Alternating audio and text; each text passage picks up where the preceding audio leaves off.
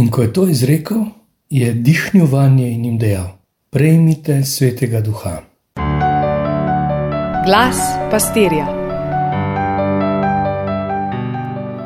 Živi lepo zdrav, tu so binkošti. Danes binkošna nedelja, naslednja nedelja, naslednja nedelja, sveta Trojica. To so nedelje, ko ali zajadramo v neko zvišeno teologijo, ki je niti sami ne razumemo, ali pa gremo v zgodbice, ki tako pre, preprostijo veliko skrivnost, da niti sami več ne moremo verjeti. Zato se raje podajamo na področje božiča, velike noči, prilik, čudežev. Čeprav smo tudi na tem področju pogosto negotovi, nerodni in tudi neprepričljivi. Pa se mi zadnje čase zdita tudi ti dve nedelji, Pinkošti in Sveta Trojica, vedno bolj blizu. Na prvi pogled sta neprivlačni, preveč misteriozni, dejansko pa verjetno ravno zaradi tega še nedotaknjeni, ne nepokvarjeni. V božič stopamo s Coca-Colo sredi novembra, preko lučk in kuhanega vina, veliko noč nas popeljejo zajčki in podobne vraže. Toliko motečih dejavnikov, da za božič pozabimo, da je to rojsten dan in slavljenca na praznovanje njegovega rojstnega dne, niti več ne povabimo. Na veliko noč pa bi radi zaužili čim več dobrot, s čim manj kaloričnih posledic. Binkošti se ne morejo kosati z vso to opremo, tradicijo, folkloro in kulinariko. Binkošni čoli je še največ, kar premore naša domišljija. Da ne govorimo o nedelji svete trojice. Recimo Augustinove sanje o dečku, ki spravlja morje v jamico in to je to. Dejansko pa smo tako blizu izvira čiste vode. Tako blizu smo, da, da ne moremo verjeti. Dotikamo se božjosti, oziroma božjost nas preplavlja, nas obdaja, dihamo jo, lahko s polnimi pljuči. In že nastopi razum, intelekt, ego, skepsa, kako tri božje osebe, to so trije bogovi, in lahko greš v notranji dialog. Ja, na začetku še na nek način prijazno, potem pa z eno upravičeno strogostjo. Sam sebi lahko rečeš, nisi dobro poslušal. Tri božje osebe, en Bog, Oče, Sin in Sveti Duh. To vprašanje ali provokacija o treh bogovih ni nič kaj novega. Niti sto let po Jezusovi smrti ni preteklo, pa so že neki judovski kristijani zašli v ulico razuma, se oddaljili od svetega pisma in pristali na tem, da so res tri božje osebe, tudi trije bogovi.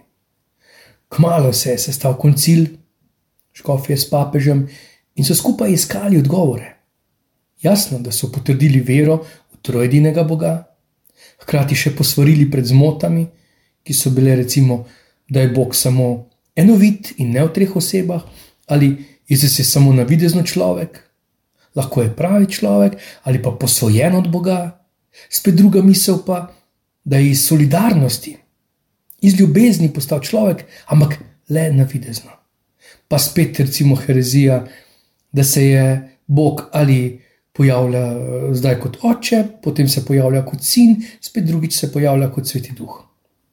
Ali pa ga kot očeta, sina ali svetega duha mi doživljamo. Ja, doba 2000 let je dala kar veliko priložnosti za iskanje, tavanje in tudi potrjevanje. Nastala so nova gibanja, sekte, torej ločine, celo nove cerkve. Zaradi teh vprašanj. Jezus, Božji sin, ni od začetka, ali je očetu samo podoben, sveti duh pa je moč, energija, podrejena očetu. In ko smo danes, kot otroci današnjega časa, postavljeni pred ista vprašanja, lahko še hitreje zaidemo, saj je vodilo veliko krat ne samo individualizem, ampak kar moje počutje, ki ni nujno vezano niti na izkušnje, spoznanje, znanje, dovolj je počutje. Kaj pa, če se obrnemo kar na svetopismo? Naj vam nanizam nekaj misli svetega pisma recimo Matej 5, 44, 45. Jaz pa vam pravim, ljubite svoje sovražnike in molite za tiste, ki vas preganjajo, da boste postali sinovi svojega očeta, ki je v nebesih. 5:16. Tako naj vaša ljud sveti pred ljudmi, da bodo videli vaša dobra dela in slavili vašega očeta, ki je v nebesih. Matej 23. Tudi na zemlji nikomor ne pravite oče, kaj ti je vaš oče, tak je v nebesih. Še govor na gori, 5:48. Bodite torej popolni, kakor je popoln vaš nebeški oče. Janez 6:44.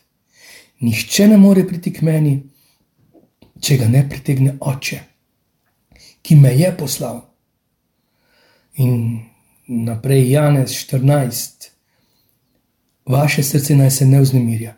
Verujete v Boga, tudi vame verujete. V hiši mojega očeta je veliko bivališč. Potem gre dalje, da odhaja. Nadaljuje v šesti vrstici. Jezus jim je dejal: Jaz sem pot, resnica in življenje. Nihče ne pride k očetu drugače kot po meni.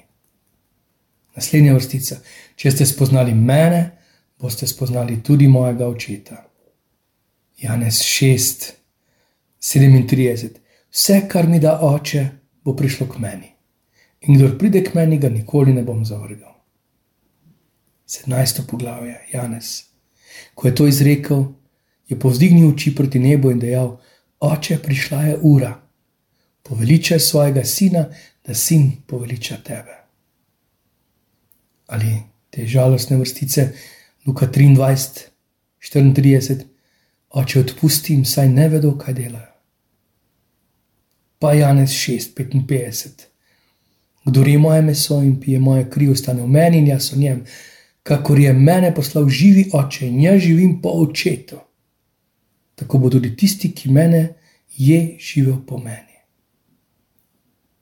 Tu pa že preskočimo na naslednjo nedeljo, malo bolj močno, pa je zelo na mestu danes eh, v okviru Binkošti, Janez 14, 16, 17. Jaz pa bom prosil očeta in dal vam bo drugega tolažnika, da bo ostal pri vas vekomaj, duha resnice.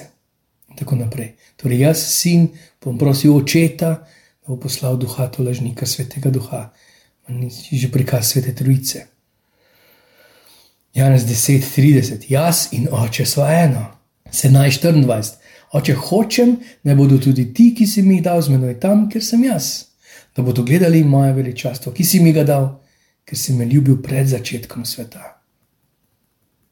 Pa Matej 26, 39.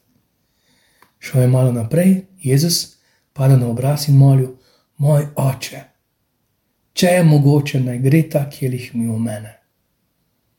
V svetem duhu, Janez 15, 26. Ko pa pride to lažnik, ki vam ga bo poslal od očeta, duh resnice, ki izhaja od očeta, bo on pričeval o meni. Pa Janez 16:13, ko pa pride on, duh resnice, vas bo uvedel vso resnico, ker ne bo govoril samo od sebe, temveč bo povedal, kar bo slišal. Matej 12:32. Tudi če kdo reče besedo zoper sina človekovega, mu bo odpuščeno. Če pa kdo reče kaj zoper svetega duha, mu ne bo odpuščeno. Apostolska dela. 19. poglavje, od 3. do 6. Tam jih je uh, vprašal, kako ste bili tedaj krščeni. Pa so mu rekli, krščeni smo bili z Janezovim krstom. In Pavel jih vpraša, Janez je krščeval, oziroma jim pove, Janez je krščeval s krstom spreobrnenja. In ljudstvo govoril, naj verujejo v tistega, ki pride za njim, torej v Jezusa. Po teh besedah so se dali krstiti v imenu Gospoda Jezusa. Pavel je na nje položil roke in nad nje je prišel sveti duh. Govorili so z darom jezikom in prerokovali. Pa še morda zadnja, Janez 3, od 5 do 6. Resnično, resnično povem ti, če se kdo ne rodi iz vode in duha, ne more priti v Božje kraljestvo. Kar je rojeno iz mesa, je meso, in kar je rojeno iz duha, je duh. Torej, kako smo nebogljeni vse se mora zavarovati. Eh, živimo tako, v takih labilnih časih, govorimo o krizi identitete. Identiteto gradimo glede na to, kako se počutimo, doživljamo. In z te perspektive odkrivamo stvarnost okrog nas. Preprosto ne znamo odgovoriti, ali smo srečni. In če odgovorimo, ne znamo povedati, kaj nam manjka, da bi bili srečni. Ne vemo, kaj bi zares radi, niti zase ne vemo. Kako bomo potem razumeli evangelij, božjo besedo? Tudi mi, recimo, če malo izzivam, župnijski kristijani. Kako jemljemo, kako doživljamo evangelij, svetopismo, zakramente, nauk crkve? Ko bi končno razumeli, da se evangelij ne vrti okrog nas, nismo mi središče, Gospod je. Lahko si oddahnemo, ne nosimo težo odrešenja. Njemu pa je mar za nas, njemu pa smo pomembni. Pa, kot smo začeli eh, vrstice današnjega razmišljanja, tisti velikonočni dogodek, ki se je zgodil, ko se Jezus prikaže po vstajenju, naj s tem tudi zaključimo, ko je to izrekel, je dihnovanje in jim dejal: Prejmite svetega duha, okvaži, vse dobro.